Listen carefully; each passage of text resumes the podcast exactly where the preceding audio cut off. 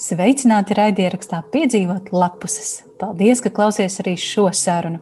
Un šai vajadzētu būt mūsu patronu sērijai, bet tā kā situācija ar patroniem ir visai sarežģīta, un par to mēs tūlīt arī parunāsim, tad, kas zina, varbūt šo dzirdat arī jūs, visi pārējie mūsu klausītāji un cienītāji, cerams, ka, un es sasveicinos ar savām cīņu biedrnēm Čau Zane un Čau Sandrā. Čau! Čau. Nu, ko tad, kas, tad ir, kas tad ir noticis šajā martā, šajā, šajā ak, Dievs, labi. Um, jā, vispirms par mūsu patroniem. Marta sākumā, ne, februāra pašās beigās, februāra pēdējā dienā es uzrakstīju patroniem ziņu, ka visi patroni ir aicināti atsaukt savu abonementu un šo abone, abonenta naudu ziedot Ukrainai. Un es uzrakstīju arī to, ka turpmāk visa patronu nauda tiks ziedot Ukrainai. Tātad tie patroni, kas paliek mūsu patroni, šī nauda, kas, kas jā, ir ko jūs parasti maksājat šim projektam, tā, tā nenonāk manā, manā makā, un es par, tie, es par šo naudu nepērku jaunas grāmatas, bet es šo naudu noziedoju Ukrainai. Un marta ienākumi jau ir noziedoti Ukrainai. Es izmantoju ziedot.lv vietni un visus šos te šķiet, ka tur bija kopumā 48 eiro, un es tur vēl nopaļoju, lai ir apaļa summa 50 eiro noziedoju Ukrainai. Un tāpat es plānoju darīt arī ar aprīļa ienākumiem. Es ceru, ka mājā situācija būs mainījusies. Es ļoti, ļoti ceru, ka tas nav. Tas nav vispār par patronu naudu vai par naudas jautājumu. Tas ir vienkārši loģiski par situāciju pasaulē. Es ceru, ka tā būs mainījusies un Ukraina, Ukrainā būs uh, vismaz kāds miers un, uh, un situācija ar šo šo vājprātu, kas notiek šobrīd um, civilizētā Eiropas valstī, būs vismaz kaut kā normalizējusies. Uh, jā, tāpēc uh, es esmu izlēmusi, ka šī patronu sērija, uh, ko patroni saņems mazliet ātrāk, bet to es atļaušos publicēt arī pārējiem klausītājiem. Jo, teikšu godīgi, ir diezgan grūti ar ierastā satura veidošanu Es neesmu ieplānojusi pagaidām nevienu papildu sēriju, sarunu. Man ir šis tas padomā, bet ārkārtīgi grūti saņemties kaut kam. Es domāju, tie, kas strādā vai vienkārši tie, kas klausās, man liekas, ka jebkuram tā ir. Ir grūti saņemties, ir grūti plānot, ir grūti domāt vispār par to, kas varētu būt nākotnē. Un, un, kā to izdzīvot un kā to visu piedzīvot. Kā jums ir Sandra un Zana? Tā pavisam īsi. Nu, ir tā, ka, kā es teikšu, nu, no tā psiholoģiskā viedokļa, kā man paši tie mm, psihologi ir vispār rakstījuši, kaut kādā ziņā ar laiku ejot, nevis, ka paliek labāk, bet kaut kādā ziņā vienkārši nav iespējams visu laiku dzīvot tajā spriedzē. Mm, jo tā spriedze un raudāšana un tā ziņa lasīšana naktī un uh, nespēja veikt kaut kādus uh, visparastākos um, pienākumus. Es pilnīgi jūtu, ka tas kā, fāze ir kā, pārgājusi un ir kaut kāda tāda mm, nākamā fāze, kur tu kā, mēģini saprast, kā ar to ikdienā, nu, kā, kā pakārtot to savu dzīvi un kaut kā, lai vismaz uh, normalizētu to ikdienu. Jo, jo vienkārši nav iespējams savādāk darīt. Jo mēs zinām, nu, ja mēs visi būsim nezinu, darba nespējīgi, kas gal galā maksās tos rēķinus, un kas tur nākamais arī mēs nevarēsim noziedot nevienam. Bet, jebkurā gadījumā, uh, nu, es pašlaik vispār neredzu kaut kādu tādu, tā kā nevis risinājumu, bet kaut kādu tādu mistisko mistisko esam atpakaļ fāzi. Es vienkārši katru dienu gaidu, kas notiks tālāk un kas vispār notiks ar, gan ar pasauli, gan, gan ar ikdienu. Tā ka viss tas vēl ir tāds. Tādā hāsā, bet es mēģinu kaut kādā ziņā vismaz normalizēt to, to dzīvi un veltīt laiku kaut kādai lasīšanai. Kaut kas, nu, lai, lai nezinu, nesajuktu prātā. Un vienkārši saprotu, ka tas, tas nepalīdzēs man ikdienā. Nu, būt jau kaut kādā kritiskā stāvoklī, kur tu visu laiku esi trauksmē un, un bezmaz sēdi uz sumām un naktī nevari gulēt. Jā, man ir ļoti līdzīgi. Es cenšos vakaros vairāk lasīt, mazāk klausīties ziņas. Protams, tāpat ik vakar ziņu raidījums tiek noskatīts. Pēc tam tiek pašķirstīts Instagram, kur ir viss tas pats vēlreiz, katros storijos un visur, kur te ir tikai šīs ziņas. Tāpēc, kad es uzzināju visu jaunāko, telzors tiek izslēgts, telefons tiek izslēgts un es lasu grāmatu, lai kaut nedaudz vienkārši savu prātu nomierinātu, lai kaut nedaudz atslābtu. Nevis nu, tiešām ir tāds ka visu laiku esi tāds sasprindzis, satraukts, un to nevar nekādīgi izmest ārā, tu ej uz darbu. Tur uz brīdi tu aizmirsti, kas notiek pasaulē, un tad atkal atceries, tu atkal esi satraukts.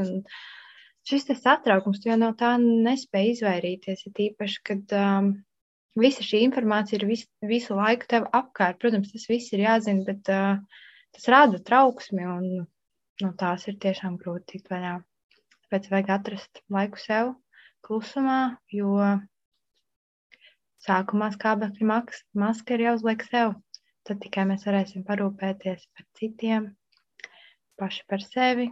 Un kā Sandra teica, arī nomaksāt rēķins mums vajag. Mēs nevaram vienkārši sēdēt un satraukties visu laiku. Jā, nu, es Var pievienoties, ka noteikti jāmēģina kaut kā vismaz kādu mirklīti atslēgties no tās nebeidzamās ziņu plūsmas, kamēr mums vēl ir tāda iespēja. Un man noteikti palīdz sports un kustības. Tagad, kad man bija divu nedēļu mācību atvaļinājums, mm -hmm, es katru rītu gāju skriet un, un mazliet izkustējos, un tas bija tiešām, tiešām ļoti, ļoti labi. Bet kā ar lasīšanu? Ko jūs esat tikko izlasījušas un ko jūs lasāt šobrīd? Kas ir tās grāmatas jūsējās? Nu, es pašlaik tā pati pēdējā grāmata, šķiet, viena no pēdējām bija mūsu mēneša grāmata, kas ir meitiņa. To es domāju, mēs noteikti nākamajā sarunā, mm -hmm. marta sērijā, vairāk runāsim.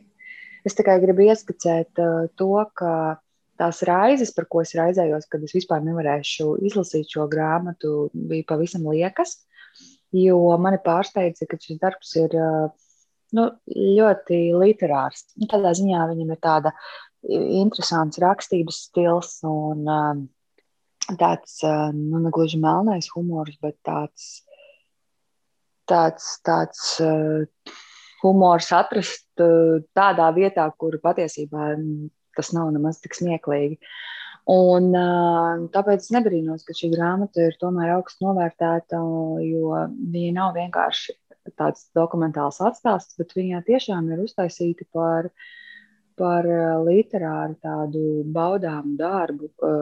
Tajā pašā laikā, protams, tas viss ir ļoti šausminoši, jo tā apziņa, ka tas tiešām notika pa īstam.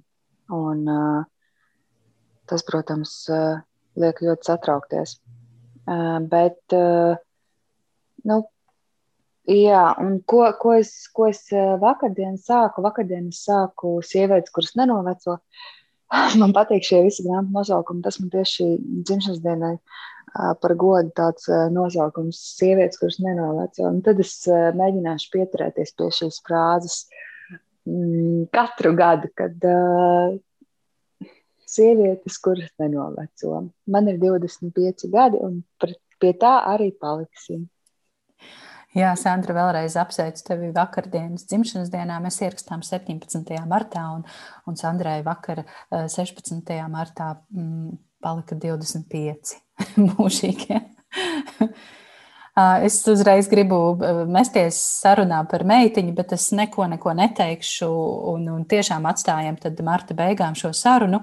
Un, ja mūsu klausītājiem ir kādi komentāri par meitiņu, noteikti rakstiet mums vai vēstules, vai, vai ierakstiet kādu komentāru zem mūsu, mūsu ierakstiem par, par šo grāmatu.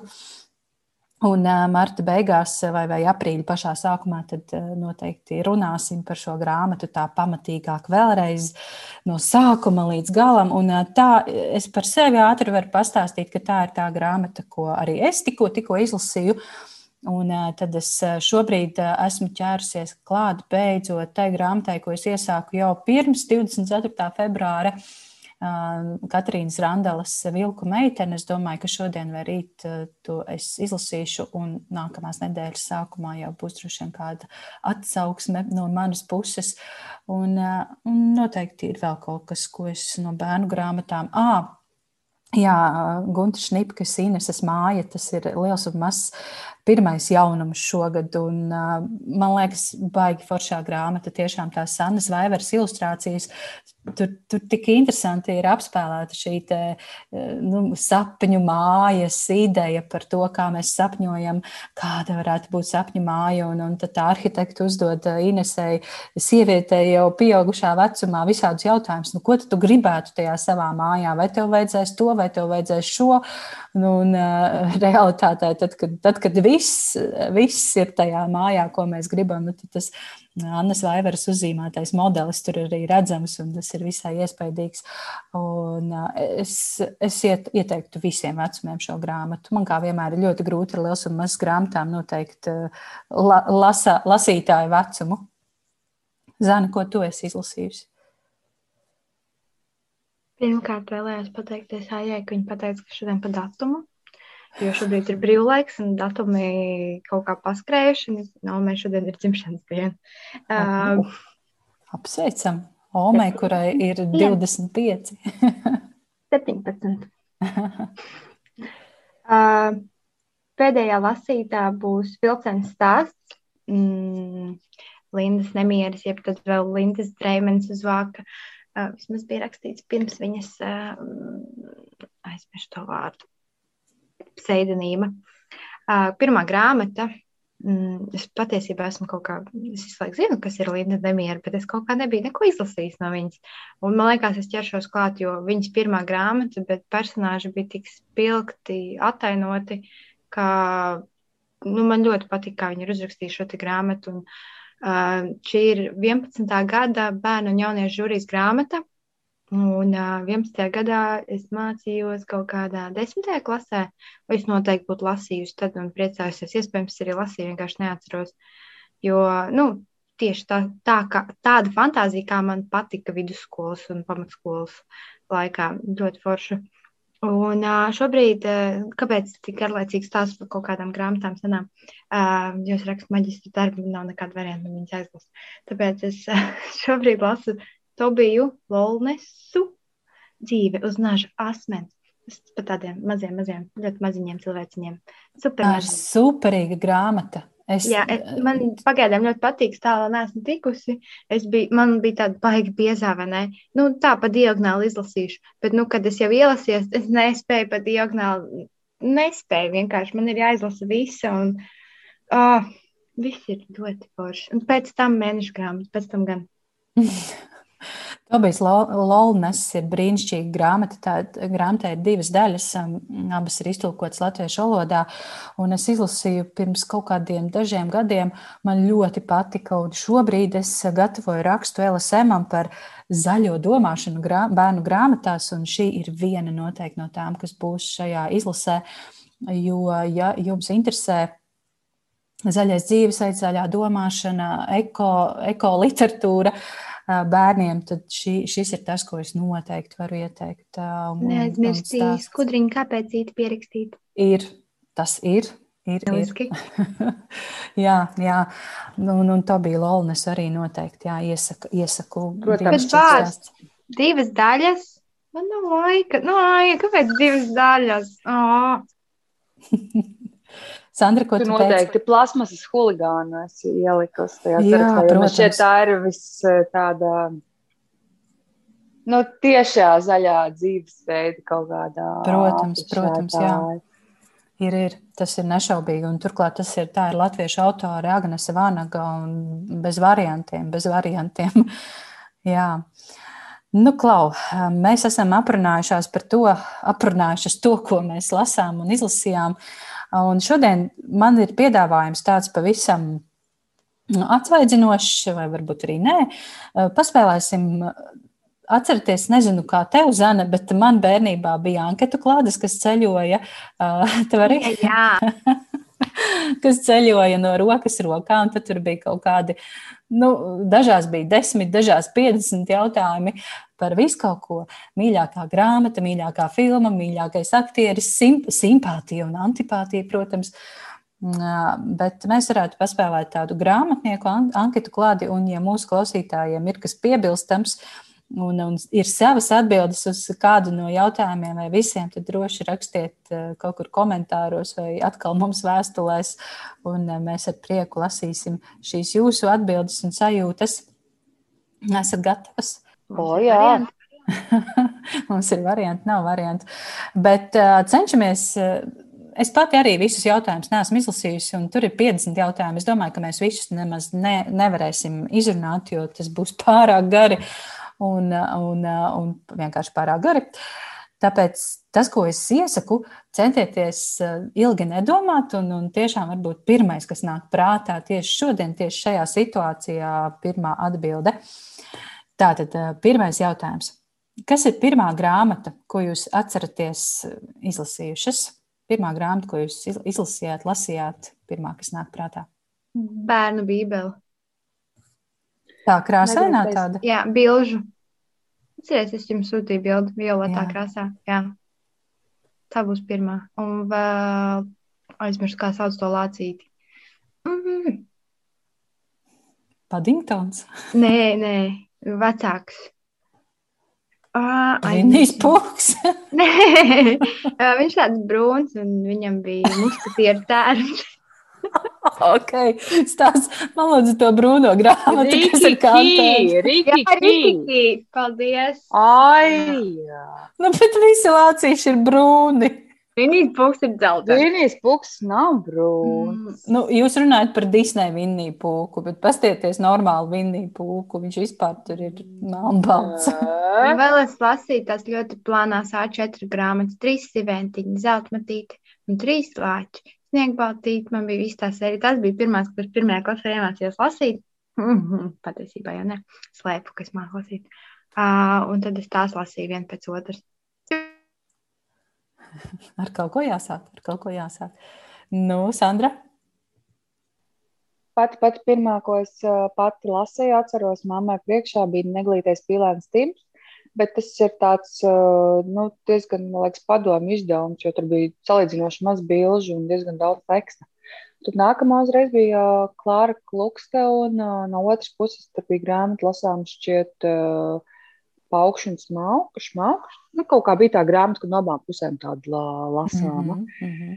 Un uh, nākamais jau bija Žils Verns. Es kaut kā beigās ātri aizgāju uz tām, uh, tiem lieliem tekstiem, un uh, nemaz nebija tik daudz uh, tādu bilžu grāmatu kā mums, ka tagad viens teikums un, un liels bildes bija jālasa, tad bija jālasa nu, tā kā, tā kā kārtīgi.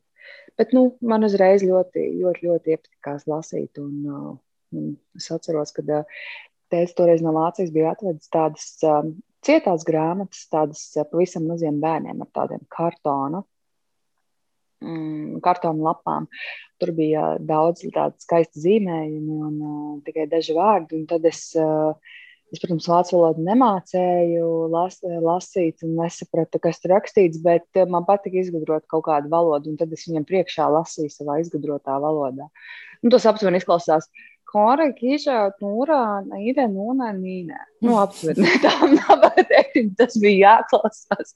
Un viņš arī aizmiga no mana, mana, mana pasaku lasīšanas. Ok, brīnišķīgi stāsti. Mana pirmā grāmata bija Cepu, cepu kukulīti. Tā bija tāda A4 formāta grāmata, zaļa ar oranžu lapsu uz vāka. Tā bija pasaku grāmata, jā, pasaka par šo kukulīti, kur apēda beigās lapsa. Un es atceros ļoti spilgti atceros to, to brīdi, kad es sapratu, ka es protu lasīt. Tā, tā, tā, tas mirklis viens, tas bija ļoti skaists mirklis. Labi, nākamais jautājums. Vai jums kāds bērnībā lasīja priekšā? Varbūt jūs atceraties, ko un kā? Jā, visu laiku lai pamēģinātu tik nelasīt, visu laiku visiem pēc kāds prasīja. Droši vien Noma visvairāk. Māma daudz strādāja, jā, ļoti daudz. Man vecāks māma, māmas māma vēl man lasīja priekšā, viņa vēl man pārzīmēja visus uh, varoņus. Karlsona man uzzīmēja zaķīšu, visus viņa mācīja man zīmēt un lasīt priekšā. Man bija jāzīmē varoņi, kamēr viņa lasa, un tad es šķirstīju grāmatu, liku viņai zīmēt. Jā, man ļoti daudz lasīja priekšā bērnībā. Jā, nu, tā es atceros, kad es, man mamma lasīja priekšā, varbūt arī ir atreiz, ka teicis, kad viņam bija laiks. Tās pārsvarā bija tās pasaules pasakas un visas mammas no mammas bērnības tās biezās pasaku grāmatas. Un es nekad nevarēju sagaidīt, kad pienāks tas brīdis, kad tur tā viena bilde, nu, tas viens atvērums ar bildīti būs. Uh, un es vienmēr teicu, nu, lūdzu, vēl, vēl palasi, vēl palasi. Bet, nu, tā tā vecāka lasīšana bija tāda, nu, tā kā pasakiņu un jau vairs nespēju izturēt. Es pilnīgi tagad saprotu, kur tas viss ir uh, radies. Tā vēl, bet nu vēl, lūdzu, vēl vienu, vēl vienu. Mums mājās ir baigta foršā grāmata par uh, puķi, kurš uh, vakarā iet gulēt, mazs puķītis. Viņš prasa, lai mamma viņam palasa pasakiņu. Mamma vienā brīdī, trešo reizi jau lasot vienu un to pašu pasaku, protams, aizmiega. Tad puķis ir tik dusmīgs un, un tik nikns tas mazais puķītis, ka viņš, protams, sāk pūst to savu uguns elpu. Un beigās tur tajā caurumā reāli ir tāds, ne caurumā, bet beigās tajā grāmatā ir reāli izdedzināts tāds caurums liels apaļš. Jūs zināt, mums latviešu valodā ir šīs autoras divas grāmatas, man liekas, tulkotas Emīlija Grāvata. Viņai ir uh, tīrīgais par āpsi Anci un ir uh, surikātu Ziemassvētki. Tad viņai šīs grāmatas ir tādas mazliet interaktīvas, tādas ar kaut kādiem tādiem interesantiem paņēmieniem ilustrācijās. Tad šī ir arī viņas grāmata, un, bet tā, tā ir tikai vācu, vācu valodā. Es tur vienmēr izdomāju, ko, ko, ko tur tā mamma lasa, kas tajā pasakā ir. Uh, Bet, Tīrīgais āpsis, jā, ļoti, ļoti labi grāmata. Man ļoti mm. patīk. Jā, jā. Nu, lūk, es par sevi varu teikt, ka es neatceros, ka man kāds lasīja priekšā. Māma man saka, ka viņa ir man lasījusi priekšā, bet, piedod, mamma, es to nu, es neatceros to sajūtu. Man nestāv acu priekšā tā, tā, kaut kāda situācija, es neatceros, ka man kāds kaut ko būtu lasījis priekšā. Un es domāju, ārprāts, ja mana meita visu šo lasīšanu vakariem, stundām ilgi savā pieaugušajā mūžā neatcerēsies, tas būs briesmīgi. Bet tas, ko es atceros no savas bērnības, ir um, radiopasakas. Kā es atceros, kā manā mamma uzlika radio, uh, kā teica, ar labu nakti vēl paklausies pasaciņu radio, un to es atceros, jā. To, to es atminos, bet lasīšanu priekšā gan ne, cik šausmīgi. Tā, nākamais jautājums. Ka, kas vai kurš ir jūsu visu laiku mīļākais grāmatu varonis? Baigi sarežģīts, bet šis par bērnību jāsaka, vai vispār? Nē, nu, vienkārši. Kas tev nāk pirmais? Visu laiku, visu, visu mūžu. Mm. Pirmais, kas ienāca prātā, tāpēc es teikšu, uh, Alīna hmm. no likteņa grāmatā un celtā. Mm -hmm. Tā pati. Jā, Alīna. Nu, jo reāls cilvēks, reāli pārdzīvojam, reāls sāpes. Nu, vienkārši tik stipra sieviete un tiešām reāla personība. Tepat Latvijā tas nav kaut kur kāds, ne? Un, jā, Alīna. Ļoti laba varona, uh, Zana. Man pirmais, kas ienāca prātā, ir Šekeltons un es nezinu, visa viņa komanda, jo man šķiet, viņi ir tādi uh, kaut kāds uh, piemērs uh, neiespējamam, tieši tā neiespējamajām. Man tā liekas, tā grāmata ir jālas tad, kad liekas, ka uh, neko nevar, ka tomēr uh, visu var. Tā, kad es teikšu Šekeltons. Mm. Un tad man liekas, nekas cits neatliek, kā teikt, Mikijs Maus. Šausmas atvainojiet. Bet šis ir ļoti sarežģīts jautājums. Un es jau teicu, ka es nebiju baigi pārdomājusi, izdomājusi savas atbildes, tāpēc arī cenšos reaģēt ar jums kopā uz šo visu. Un ļoti tā sarežģīti uz šo atbildēt. Vēl man nāk prātā vafeļu sirdīs Lēna, laikam bija galvenā varone, kas man ļoti, ļoti patika. Nu, tā ir tāda meitene, kāda es, es vienmēr esmu gribējusi būt, bet uh, Varbūt bērnībā es tāda biju, kas ar puikiem skraidīja apkārt un spēlēja futbolu un kāpa kokos. Bet kaut kā, kaut kā tas viss pazuda. Es nezinu, pienākumos, apzinātī, ap, apzinībā, apzinātībā, nē, bet apzinībā. Nu tā.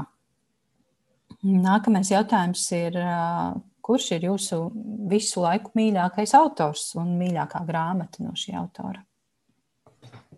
Rūta Šepetis.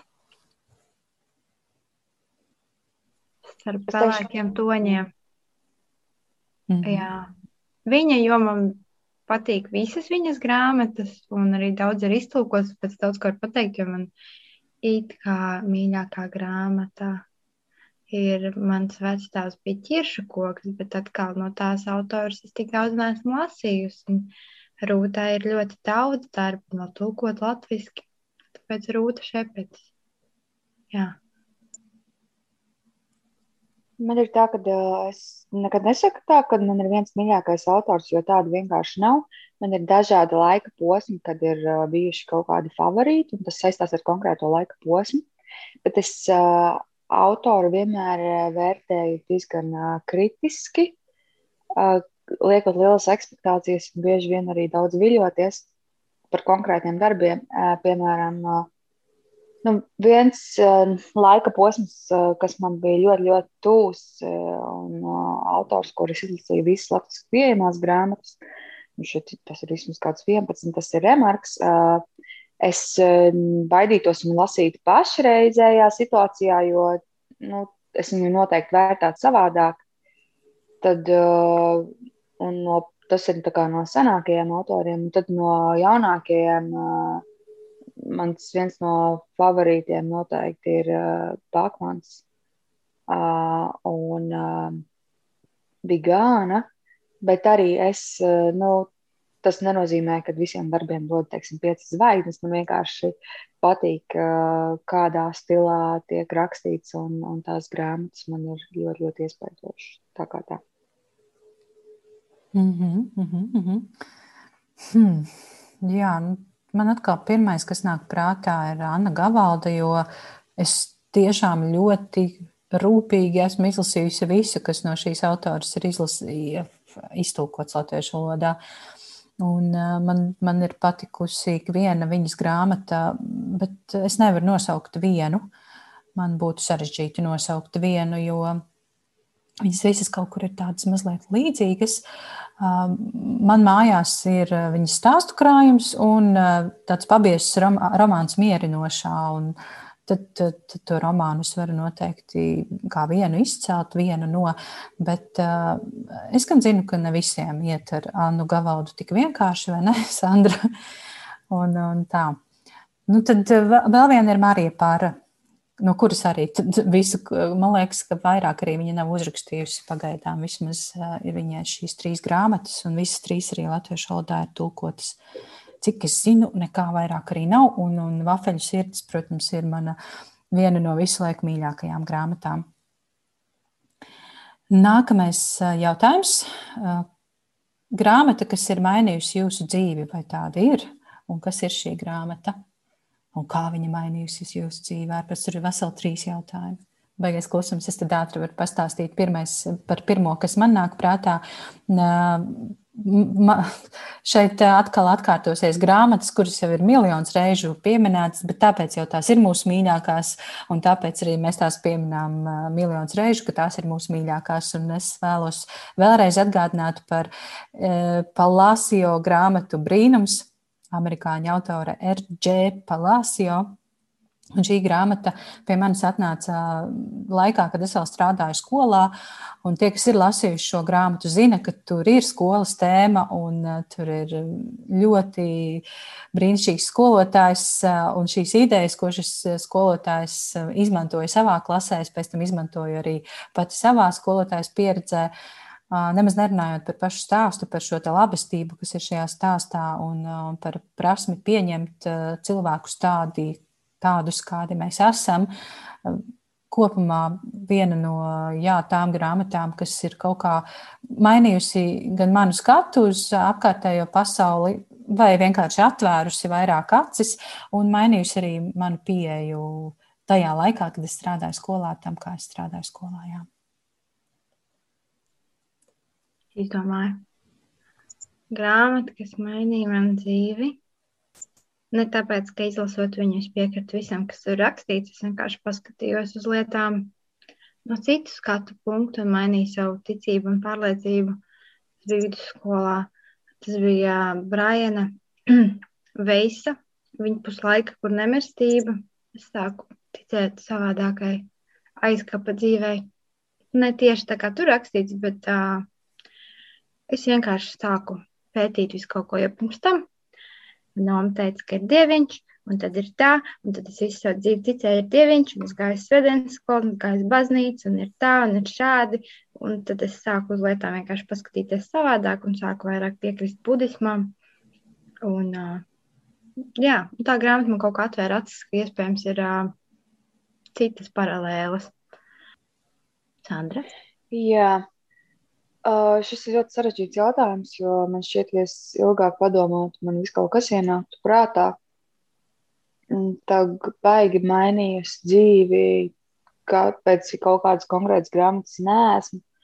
Bet uh, visdrīzāk bija tā, ka uh, es pat neatceros, man šeit tā nebija vidusskola, tomēr man liekas, bija kaut kāda devītā klase, kad es uh, izlasīju Mēģinājumu zoostacijas bērnu, un man kaut kādā ziņā tas tik dziļi satrieca. Uh, kad eh, kaut kādā tajā dzīvojot mazpilsētā un tur nākot no ģimenes, kur divi vecāki un māsas un tā, kad es pēkšņi uzzināju, ka, ka vispār eksistē tāda pilnīgi, pilnīgi cita realitāte. Man pilnīgi kā, nokrita, nezinu, brilles no acīm, un es, man gribējās kā, visiem par to kā, izstāstīt, bet to nav iespējams izstāstīt, jo tas ir jāizlasa.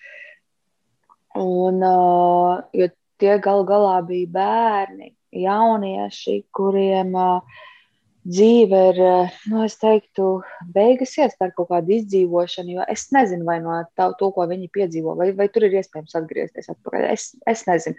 Es teiktu, ka pat nevar. Man tas tik šausmīgi, šausmīgi satrieci, kad uh, es pēkšņi sāku saprast, ka uh, tas tā dzīve, ko dzīvoju es, ka tā nav visiem tāda dzīve, kur, nezinu, iet sestdienās, svētdienās uz dārzu vai iet kaut ko uz muzejiem. Un, nu, ka tā tas nenotiek, ka, ka, ka citiem pat nav kur vispār dzīvot.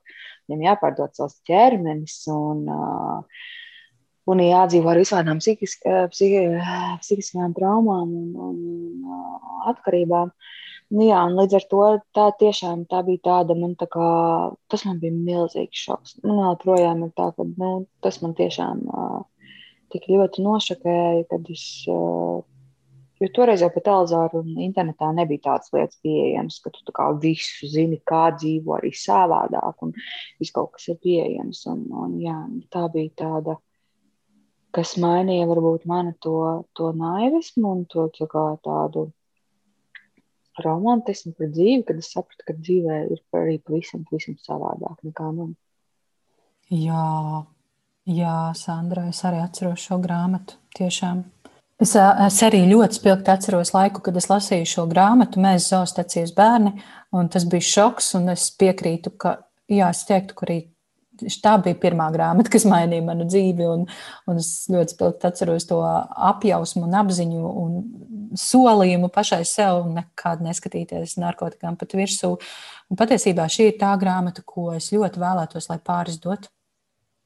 Jo manai, manam eksemplāram, kur es biju ļoti cītīgi taupījusi un ar labu prātu aiznesusi uz skolu, manam eksemplāram pieauga kājas. Un, un, protams, skolēnu interese par šādu veidu literatūru ir saprotama, un, un es to atbalstu. Bet man ir mazliet žēl, un es ļoti gribētu šīs grāmatas eksemplāru vēlreiz eh, dabūt un, un saglabāt. Jā. Tā, nākamais jautājums. Nākamais jautājums. Uh, Jūsu mīļākais žanrs? Vienkārši. Vēsturiski romāni. Nē, ko es meloju? Pusauģis literatūra. Sen jau vairs nav. Kas mums te atklājas? Kas mums te atklājas? Ko es te meloju, Zana saka? Labi, Sandra, kā ir? Iz, izrādās, ka es esmu vienīgā starp bērnu un jauniešu literatūru te iemaldījusies.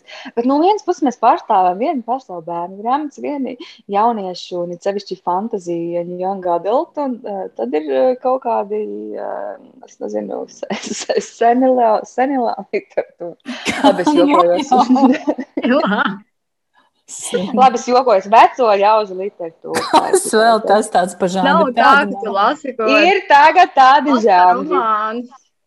Man vakar, man vakar bija dzimšanas diena, es tagad drīkstu izteikties savam vecumam atbilstoši.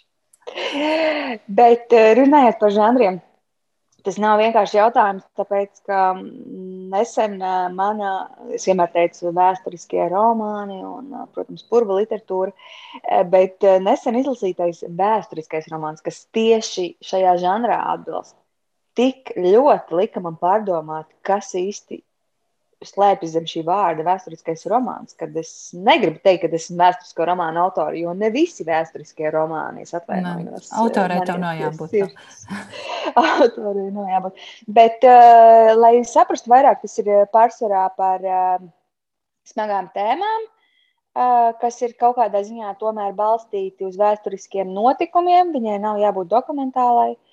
Uh, ļoti, ļoti patīk. Uh, kurš teikt, patīk grāmatas par um, kārtēm izsūtīšanu uh, un uh, sociālām problēmām, uh, dažādu kultūru, dažādās kultūrās, kas atspoguļojas. Un, uh, protams, purva literatūras tādas uh, pavisam smagās, kur ir uh, jāraut trīs dienas no vietas. Tādas ir vienkārši mana grāmata, tā, ka vienkārši viss mirgo lasot.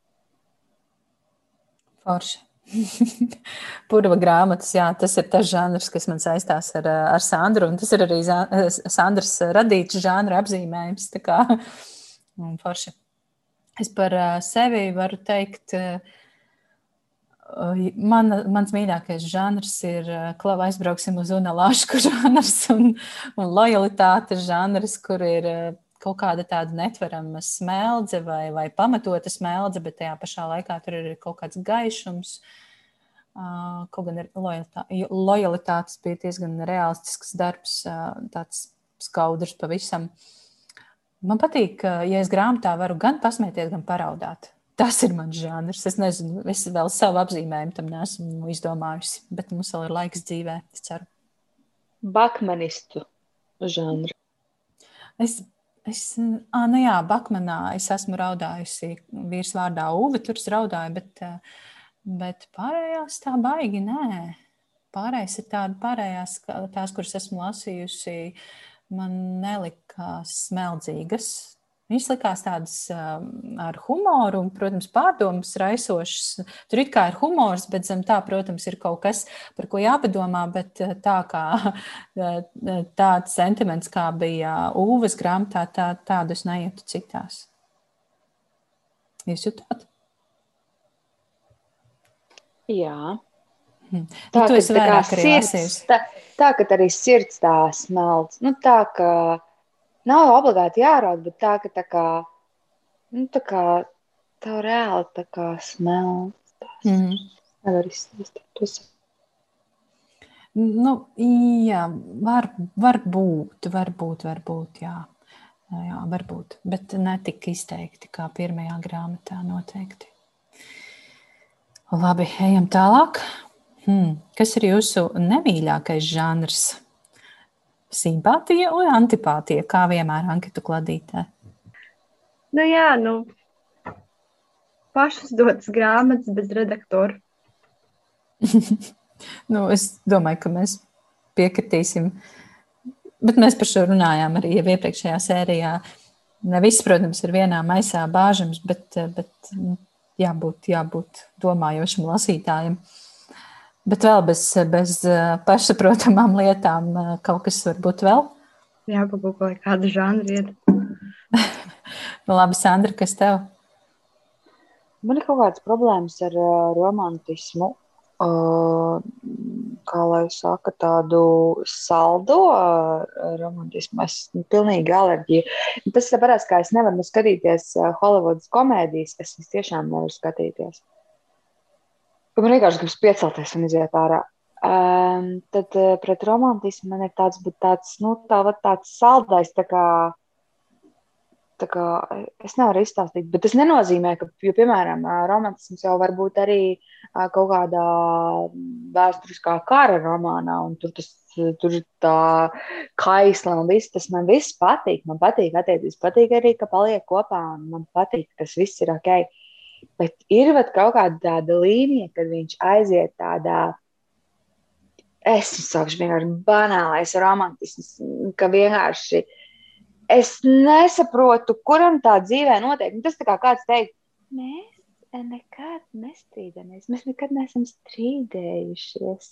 Mums viss ir ideāli, mēs viens pēc otra nevaram iztikt. Tad, kad man kāds to stāsta, tad es domāju, nu labi, nu lai tev tā arī ir, bet uh, dzīve tomēr ir dzīve. Un, un es atvainojos, es arī ar vecākiem strīdos un ar bērniem strīdos. Kāpēc lai es nestrīdētos? Pats es ar Aiju pat strīdos. Mums ir tādas karstas diskusijas. Kāpēc lai vēl nestrīdētos ar cilvēku, kuru tu esi visu laiku kopā? Mm, tāpēc es kaut kā, es es nevaru, man tā banalitāte, un sevišķi, ja, ja tas ir miljonārs un uh, nabaga pelēkā pēle, tas ir viss. Es, es taisu grāmatu ciet. Es, es to vienkārši negribu lasīt. El klasiko, miljonārs un pelēkā pēle. Mans tas žanrs, ko es visretāk izvēlos lasīt, ir krimināla romāni, detektīva romāni detektīvi, jā. Un es pat nevaru pamatot, eh, kāpēc tas tā ir.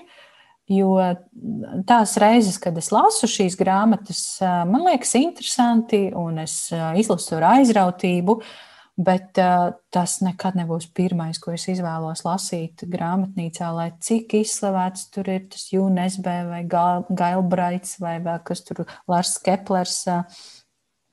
Nezinu, kāpēc. Es pat, tas ir ļoti jocīgi, jo, kā jau minēju, nav tā, ka man ir iebis las, lasīt šīs grāmatas. Es vienkārši kaut kā nealkstu laikam tās, tā, to izjūtu, kas ir eh, šajā, šajos romānos. Nu, un uh, arī paš, pašiz, pašizglītojošās, nē, bet pašpalīdzības grāmatas ar tām, ar tām es esmu ļoti uzmanīga. Kaut kā jā, man ne, nevelk rati, kad to izvēlos lasīt. Labi, nākamais jautājums. Droši vien, ka mēs desmit iziesim un, un tad metīsim mieru un atstāsim kaut ko varbūt citai reizei. Autors, kurš joprojām ir dzīves un ar kuru jūs labprāt satiktos un, un aprunātos, papusdienotu?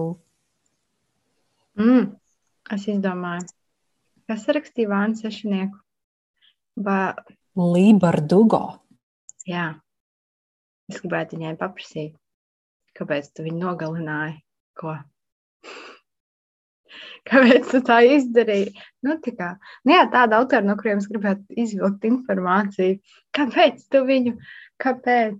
Jā, noteikti Lība Dogo, jo arī viņa ir tik daudz ko fantāzijas žanrā sarakstījis, un tas lielākoties ir nenormāli populārs un lieliski uzrakstīts. Vienkārši parunāt kā viņa nonāca uz šī ceļa, kāpēc viņa viņu nogalināja, un uh, kā viņai izdevies gūt tik liels panākums, un kāpēc viņa viņu nogalināja, un, uh, un ko viņa vēl plāno uzrakstīt, un kāpēc viņa viņu nogalināja. Jā. kāpēc viņa viņu nogalināja? Lai mums būtu par ko cepties. Sandra? Man liekas, es nojaušu es... atbildi. Es nezinu, ko tu nojauc, jo tādi jautājumi, kur ir jāpārdomā. Es eh, teiktu, kas man pirmais ienāca prātā, man šķiet, ka gribētu vegānu satikties. Un viņa nav nekāda sociālā tīkla lietotāja. Man gribētu aiziet ar viņu uz rēli, franču kafejnīcu, iedzert espresso un uh, kopā ar viņu pāriest mājās, gatavot vakariņas un vienkārši parunāt par dzīvi. Uh, jo man šeit viņa ir ļoti interesanti sarunbiedri. Un, uh, tas ļoti labi rakstīja psiholoģiskā realisma žanrā, ir vienkārši ļoti, ļoti baudām. Es pat nezinu, vai mēs par grāmatām runājam, mēs vienkārši parunājam par dzīvi. Mm. Man, man ir līdzīga sajūta par Mariju Parru, ka es gribētu ar viņu pastaigāt pa Norvēģijas fjordiem, kaut kur pa kalniem. Un, un neobligāti runāt par uh, grāmatām, bet vienkārši pabūt kopā, dzirdēt, ko viņa domā, kā viņa redz pasauli, kā viņa redz jā, visu, kas notiek apkārt, un kas pabūt blakus viņai. Tā, Hmm, vai jūs kādreiz esat uh, satikušas populāru, zināmu autoru, un, un kā tas notika? Tā kā aci pret aci tikušās. Un kā tas notika un kā jūs jutāties? Es atcerējos. es mierīgi eju uz ceļu vakaru, un man pa priekšu iet Jāna Eigla. Dievs! Uzveties normāli, uzveties normāli, bet prātā tā ir jānegla. Tā ir jānegla. Un tad pēc tam viņa mums mācīja, tad ja tas likās vairs nekas īpašs. Bet jā, nu tas pirmais vienkārši, ak, Dievs, man viņa patīk. tas tā kā kaut kā, nezinu, tā kā es būtu pusaudzis, kas satikusi Harry Styles no One Direction. Bet es tieši gribēju to teikt, ka eh, ļoti interesanti. Parasti mūzikā jau visas meitenes fano par kaut kādiem puišiem. Nu, tā kā, oh, kā viņš varēja apprecēties, nu, uz randiņu, nomastapu, nezinu, savu šalīti vai apakšbikses. Uh, bet uh, mēs te runājam par sievietēm literatūrā. Uh, varbūt noteikti ir arī kāds uh, vīrietis, bet tie laikam visi jau miruši. Es atvainojos, Remarks vairs nav pieejams. Uh, bet uh, Jā. Nē, es neesmu nevienu satikusi. Iespējams, esmu satikusi, bet es nezinu, kas ir autors. Man, nē, man nav ne jausmas. Nu, varbūt kādu topošu autoru, piemēram, Aiju Bremšmitu, varbūt es esmu kādreiz satikusi un runājis, bet, bet tā gluži nē. Līdz topošai autorai man ir kā zilonim līdz. Ai, labi, neko. Topošai autorai ir vispirms jāuzraksta maģistra darbs. Vienkārši! Tā, pēdējais, ko es satiku no autoriem un aprunājos aci pret aci, bija Juris Zvirgzdiņš Latvijas grāmatu izstādē. Viņam bija pasākums Pētergaļa organizēts, un, un tad viņš dalīja autogrāfus Pētergaļa stendā. Un, Mēs nebijām, es ne, nepiedalījos šajā pasākumā. Es vienkārši pavadīju tur laiku un gaidīju kaut kādus savus pasākumus. Un mana, man bija rota atbraukusi līdz tajā brīdī, un viņi ieraudzīja šo Juras Virkstiņa pēdējo grāmatu par, par čūsku tad tas komiks, tāds liela izmēra komi, komiks, es precīzi neatceros vairs grāmatas nosaukumu, bet tur uz vāka bija čūska. Un rota uzreiz skrien klāt un jau ņem to grāmatu un, un jau, jā, jau vies mājās ar grāmatu, jo es biju paņēmis no bibliotekas. Viņai ļoti patika tā grāmata. Un es zirgstiņam tā arī saku, mums ļoti patika jūsu pēdējā grāmata. Un viņš prasa, nu, cik gadu tam mazajam lasītājam ir? Es saku, nu, četri. Ah, nu tas ir īstais vecums, jā, tai grāmatai. Viņš jau pats izskatījās ļoti skeptisks par to grāmatu. Es nezinu, kāpēc. Jā, tas bija, tas bija, tā bija pēdējā satikšanās ar dzīvu autoru. Un vēl es no mugurpuses redzēju arī Inesu Zanderi. Viņa tajā, tajā dienā bija liels un mazs standā. Bet Inesu Zanderi, Zane, tu atceries, mēs satikām arī Ventspilī rakst, rakstnieku mājā, un tas bija arī tāds, wow! Ak, Dievs, es arī gan izapčurājos arī tādu Viņa ir tik kolosāla, jā. Vai ne? Harizmātiska un vienkārši. Mm. Viņa var runāt un runāt un stāstīt. Es taču atcerējos, Aitu, taču arī mēs taču esam satikušos ar Ingu Grensbergu. Galīgi nu, gaidzi. Nu, jā, nu. nu. Nu, redzi, kā tikai padomā, tad visu kaut ko var izgatavot. Nu jā, nu jā, tieši tā. Ingu Grensbergu mēs tik pašsaprotami uztveram, ka jau esam aizmirsuši, ka viņa taču arī ir autori. Tā kā Inga mēs gaidām nākamo grāmatu, lai mēs atkal varam domāt par tevi kā par, kā par autori pirmkārt, nevis kā par grāmatu draugu.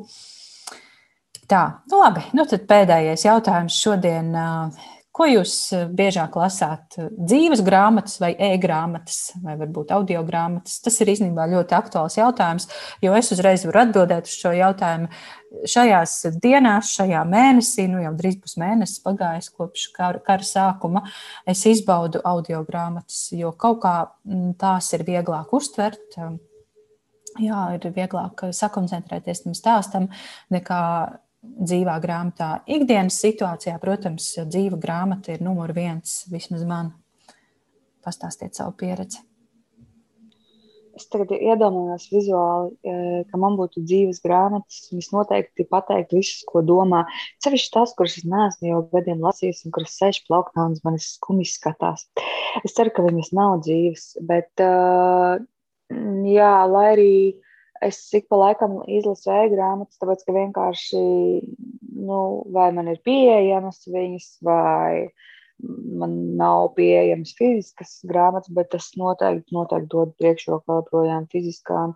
Un es uh, priecājos, kad man ir uh, ļoti atsaucīgi cilvēki, kas man ir gatavi aizdot grāmatas un uh, atsūta man viņus uz šejieni, jo uz biblioteku es uh, tieku pašlaik, nezinu, vienreiz gadā aptuveni jo es tiešām izbaudu, un es tikai varu sajust grāmatu, cik viņa ir liela, plaša un burts tikai turot viņu rokās. Uh, bet audio grāmatas, jā, es joprojām uh, klausos audio grāmatas, un uh, ir atsevišķi žanri, kurus es uh, tieši izbaudu audio grāmatās, un tie ir trilleri. Es uh, nopietnas grāmatas uh, nespēju uztvert, un īpaši arī nemēģinu lasīt teiksim, vēsturiskos romānus, bet uh, trilleri ir izcils sabiedrotais. Tad, kad es nezinu, es eju savus desmit kilometrus, es vienkārši mm, baudu spriedzi un, un, un, un izbaudu kārtīgu trilleri. Teikšu, kā ir. Es nedzirdēju jautājumu. Un tu arī nesaprati, par ko mēs runājām. Paldies, Zana! Zana ir aizdomājusies. Bet jautājums ir par to, ko tu labprātāk lasi. Dzīves grāmatas, e-grāmatas vai klausies audio grāmatas? No, nu, dzīves grāmatas, jā, protams. Man liekas, es dzirdēju par tām dzīvajām grāmatām. es domāju, ka jautājums ir, ko tu teiksi grāmatā, ja viņa būtu dzīva. jo viņš ir. Sandra sāka runāt. Es ceru, ka tās grāmatas manā plauktā nav apvainojušās uz manis. Ko? Bet ko tu izdomāji, Zana, ko tu teiktu grāmatai, ja viņa būtu dzīva? Mums interesē tagad šī atbilde. Tas uzreiz nodomāja. Viņa ko... par jūgo varoni pajautātu, kāpēc te autori nogalināja? Jā, vai arī vai tu apvainojies, ka es tev aizmetu pret sienu. Bet, jā, dzīves grāmatas, jo audio grāmatas ir Es aizmiegu. Aha. Un, jo es nespēju iet pa ielu un klausīties grāmatu, bet es varu viņu klausīties tikai, ja es esmu mājās. Tad man tā klausīšanās ir vienkārši tas ēdi un klausies, un es nespēju neko citu padarīt. Tad es jau atguļos, un viss. Man vairs nav. E-grāmatās man baigi acis piekūst. Bet ir forši, kad ir kāda e-grāmata telefonā, un tu kaut kur aizmaldies pēc grāmatas somā, vai nav vietas grāmatās. Nu, labi, ko es tam lūgšu. Vienkārši jāsamaina soma. Tad. Uh, bet jā, dzīves grāmatas.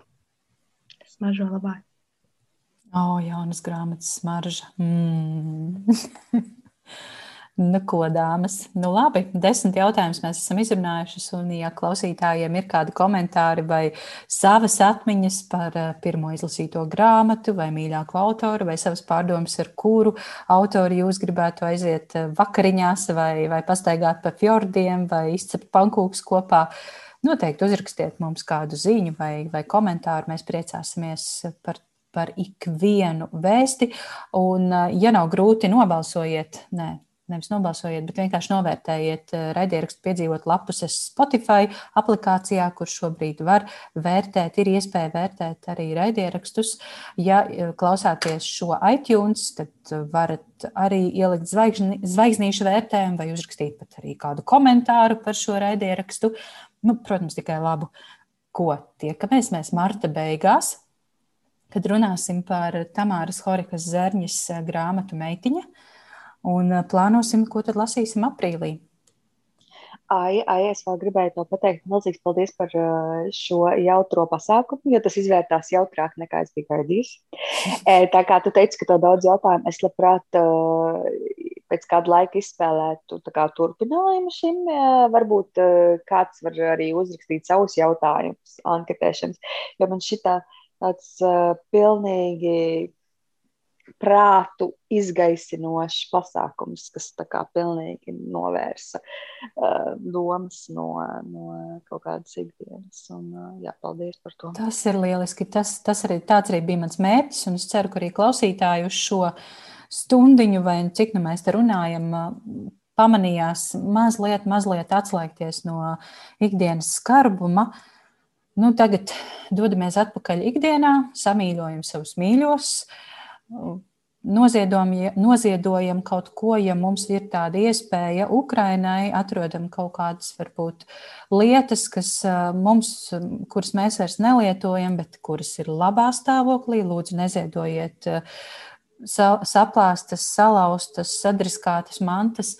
Un, un jā, piedāvājam palīdzību, kur, kur vien mēs varam palīdzēt, jo kas zina, kas var notikt rīt, un varbūt, palīdzība būs vajadzīga mums. Un es, starp citu, dzirdēju vienu, tas bija ģimenes studijā, kur Ukraiņu ģimene stāstīja, viņi šobrīd dzīvo Latvijā, un viņi teica, ka latviešiem jāsaprot, ka mēs nedrīkstam viens uz otru skatīties ar šķību aci, mēs latvieši. Mums ir jāsaprot, ka mēs cits citam esam vajadzīgi, jo mēs, kā jau es minēju, nevaram zināt, kas notiks rīt. Dzīvosim draudzīgi un lasām grāmatas. Atā! Atā.